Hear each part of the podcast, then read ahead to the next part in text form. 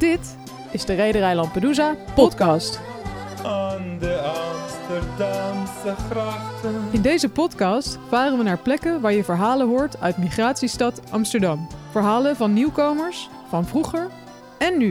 De mooiste stad in ons land. Bij Rederij Lampedusa hebben we afgedankte vluchtelingenboten uit Lampedusa opgeknapt tot unieke rondvaartboten. De crew bestaat uit voormalige vluchtelingen. Interviewer Baram Sadeghi, zelf ook voormalig vluchteling, vaart met kapitein Mo Al-Masri vanaf het Centraal Station naar alle uithoeken van de stad. Hi, Jennifer. Hello, Ah. hi, it's great to see you. Great to see you too. Aflevering 5. Jennifer Tosh. By the way, you know, I have to say something. You know, uh, English is not my first language. I understand, maar Nederlands is niet mijn eerste taal ook. Oké. So, Uh, as a matter of fact, as someone who is born in Iran and now living in Holland for 35 years, I have no idea what my first or second language. oh wow, wow. Well, but your Dutch is great, and your English is even better than my Dutch. So Oh, I think no, we're going to get along great. thank along you great. So much. Thank you so much. Thank you. Okay. Jennifer Tosch is de oprichter en gids van de Black Heritage Tours. Een rondleiding door Amsterdam over een genegeerde en vergeten geschiedenis. Jennifer is van Surinaams-Amerikaanse afkomst en woont sinds 2012 in Nederland. Jennifer, you wanted to uh, see us here in the Plantagebuurt, in front of Hortus. Why? Well, you asked, uh, uh, you know, for me to choose a location that had a lot of meaning for me, in terms of the tours that I do and the, the history that I'm really focused on. And Hortus represents many different things. So we're right on the edge of the former Jewish quarters, so that's very important in terms of its site, location. We are at Hortus, which is over 375 years old, um, where the the bulbs and seedlings were brought from all over the world. The oldest plant from the Cape is actually here. Uh, it represents also memory. I'm very focused on historical memory. And as we're going to walk around the corner to the area where the first black community lived here in Amsterdam as early as the late 16th and 17th century. Please show me the way to Okay. next uh, to the corner. You said yes. So we're standing at the entrance, of course, but where the, the site that really has the most meaning is on the side of the building. And uh, it's, it's really important when I do the tours and I'm on a boat, we're, we're passing by this very iconic building. And it, I think it surprises people to learn that there was this, this early black community here. Als je voor Hortus staat, dan lopen wij nu langs het kleine paadje tussen eh, Hortus en ehm Wibautstraat, langs het water. En we zijn nu eh, eigenlijk vlakbij eh, de drukke Wibautstraat. And do we have to go straight or left or right? No, we're going to go, we're here. This is it. This is this is yes, so we're actually on the New Herengracht, Yeah. and we just crossed the bridge, and we are now in the sort of grassy area. And imagine this in the 17th century was a cemetery. So we're right across from the Jewish synagogue on the other side of the canal. Uh, this is the former Jewish quarter in Amsterdam, where the first uh, Portuguese Jews arrived here, and many have arrived with their black servants. And so, trying to retrieve that uh, history where did this community of people live? Where did they come from? Where did they uh, also were buried? So there's a map now that shows this part of the city in the 17th century. When I was a student in university here, I was told there was no black presence at all before independence of Suriname, and I knew that that wasn't the whole story. Um, I had been already doing research on my own about my family. My family's lived in the Netherlands for three generations. So um, I thought it was very important that we, we understand that this missing or forgotten history, we have an important responsibility to rebuild it. Yeah. So this grass field now we see here with no signs remembering of the, the, the, the cemetery of the black people. Uh, do you have any idea why they put the black people here in this cemetery, in this area, and not other places? Well, first of all, it was a city cemetery, so it wasn't just black people. Yeah. It was where working class uh, people were, were buried, people that from the, the community. algemene begraafplaats. Precies, yes. precies. Yes. So it's not that, and what's not clear was there a section that was only for this black community. That's not clear, but that there were people buried here from all over the world.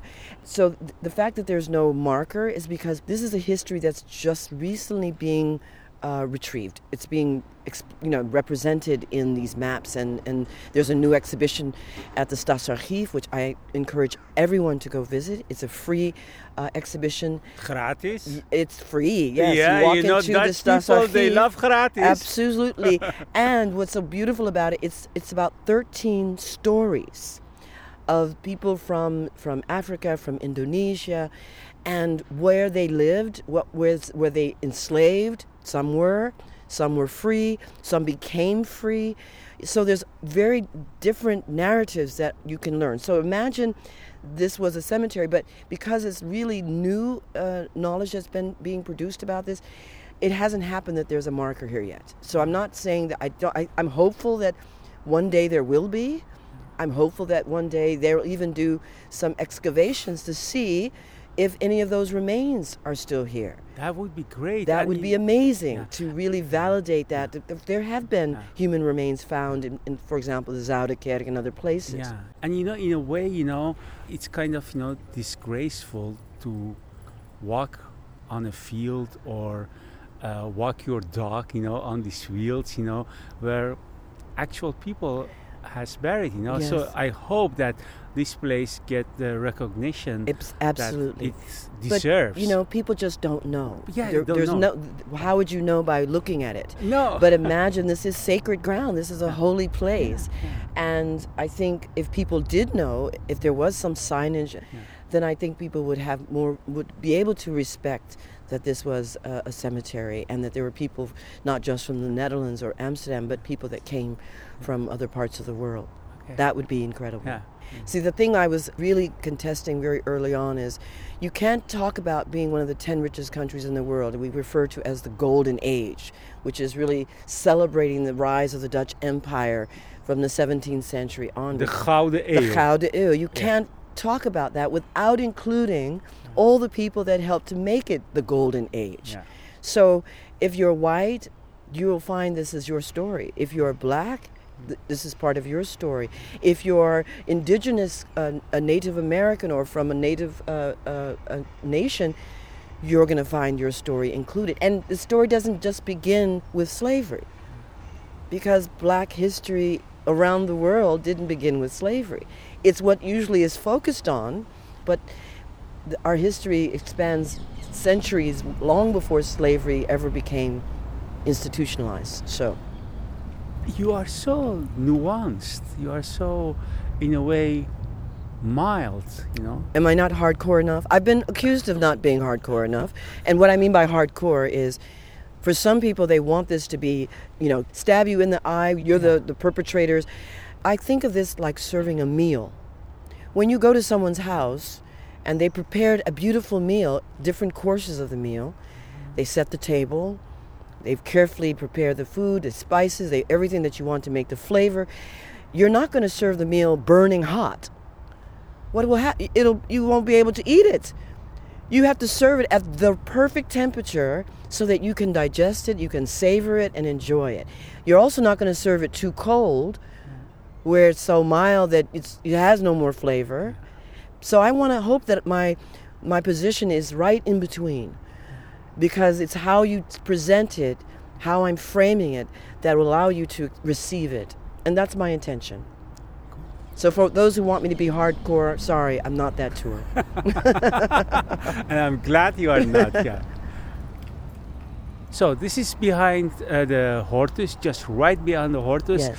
and um, would you mind to take a tour, not your tour, but in a tour on uh, our boat, you This know, the Lampedusa. Rederij, because our captain, Teun Kastelein, Hi, has just arrived.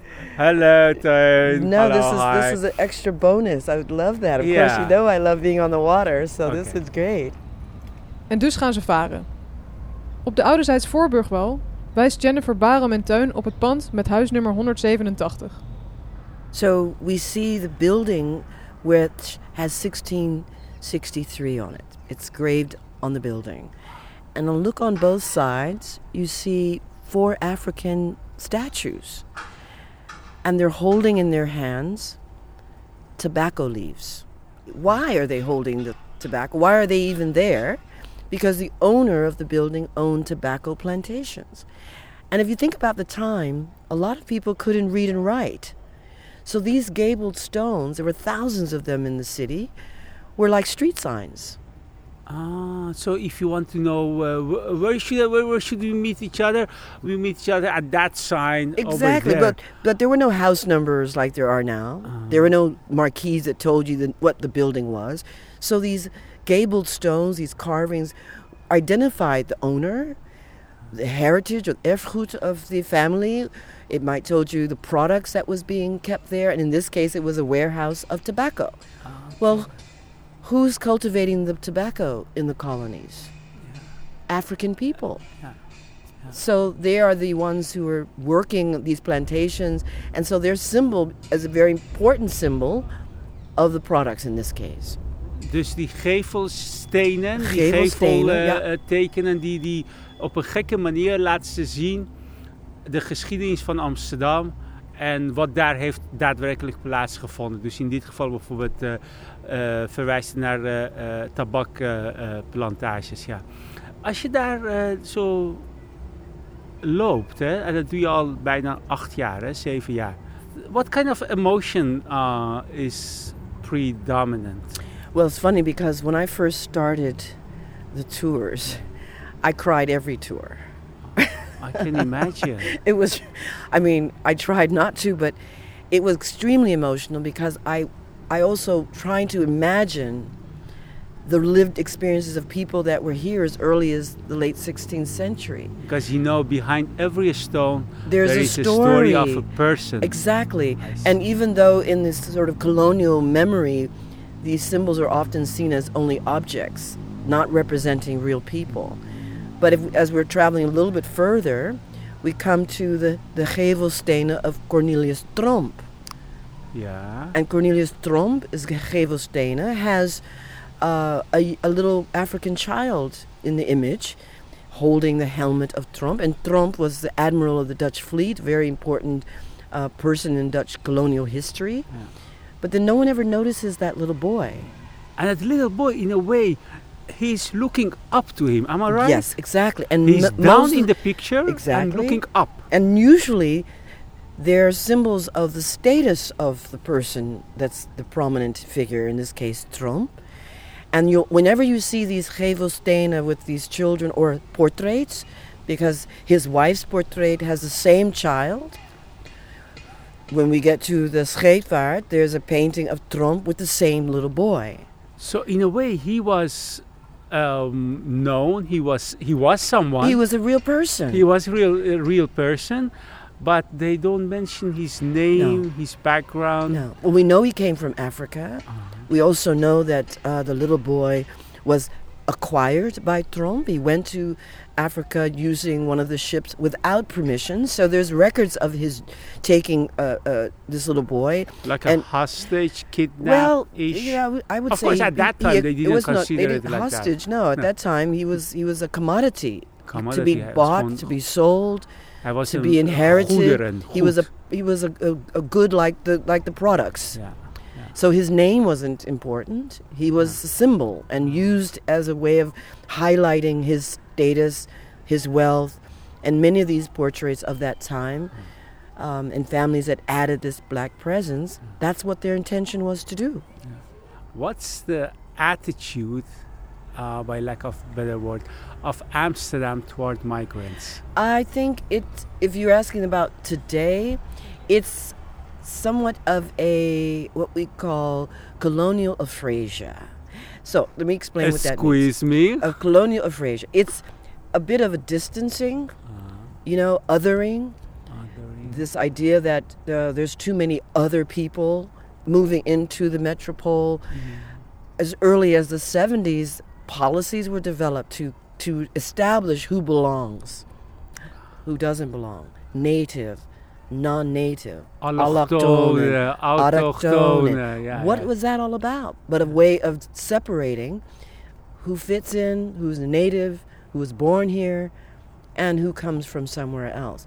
And not just one generation, but multiple generations still considered migrants. So there's not, never a satisfaction that someone non-white Yeah. can be native to the Netherlands. You know, that's one of the things I was told when I came here. Oh, we don't do race in the Netherlands. We are colorblind. Ja, ja. We don't see race, Yeah. which I thought was very strange. We don't have a race problem with racism in the Netherlands. No, that's an American problem or Yeah. a British problem. Yeah. And that idea was very odd because any country that's colonized other countries and the, and that migration of people from the former colonies have moved into the metropole is going to have a problem with race. Okay. You know, what do you like the most? And you can take one or two things. It's up to you. And what do you dislike the most about Amsterdam? Well, for me, what I love about Amsterdam is that, like, we're passing right now the Scheepvaart Museum. And one of the most iconic symbols of Amsterdam's heritage is the maritime history. Yeah. What I love is that we have preserved so much of this colonial historical memory in the built heritage. So the monuments, the museums. De grachten, grachten. Eh, echt de straten, Dus- overal waar je exactly. komt. Het ademt geschiedenis Amsterdam. I think what makes Amsterdam and the Netherlands so Yeah. unique is that we have preserved this memory. Yeah. We don't really think of it that way. Yeah. But anytime I leave the, the Netherlands and I go to say for, to London or to you know to Belgium, you can learn about these colonial histories, but it's not so visible. You you can't see it like you can here. Yeah. So I love that about Ja. Amsterdam. Zoals wij nu achter eh, eh, scheepvaart, of bij scheepvaart Ja. varen. Echt dat enorme schip. Yeah, it's an 18th century cargo ship. You it's know a- this? Yeah, of course. Of This course is, you uh, know this. This uh, the ship named the Amsterdam because Uh-huh. we love naming everything Yeah, the around the world the Amsterdam. Amsterdam. Ja. And um, the building is the museum now, but it was the uh, where the ships would get their supplies, the water, the goods Yeah. that you need for a long voyages. So this replica, it's not the actual ship, Yeah. was rebuilt, um, is a massive, I- iconic symbol of Amsterdam's maritime history. It is such an amazing symbol of the past Ja. that it's it's part of what I love about seeing these images, but telling the story Ja. about not just trade, as we love to celebrate trade, but also about war. The war that was waged on indigenous peoples, and how these ships could be converted to carrying people as the commodities.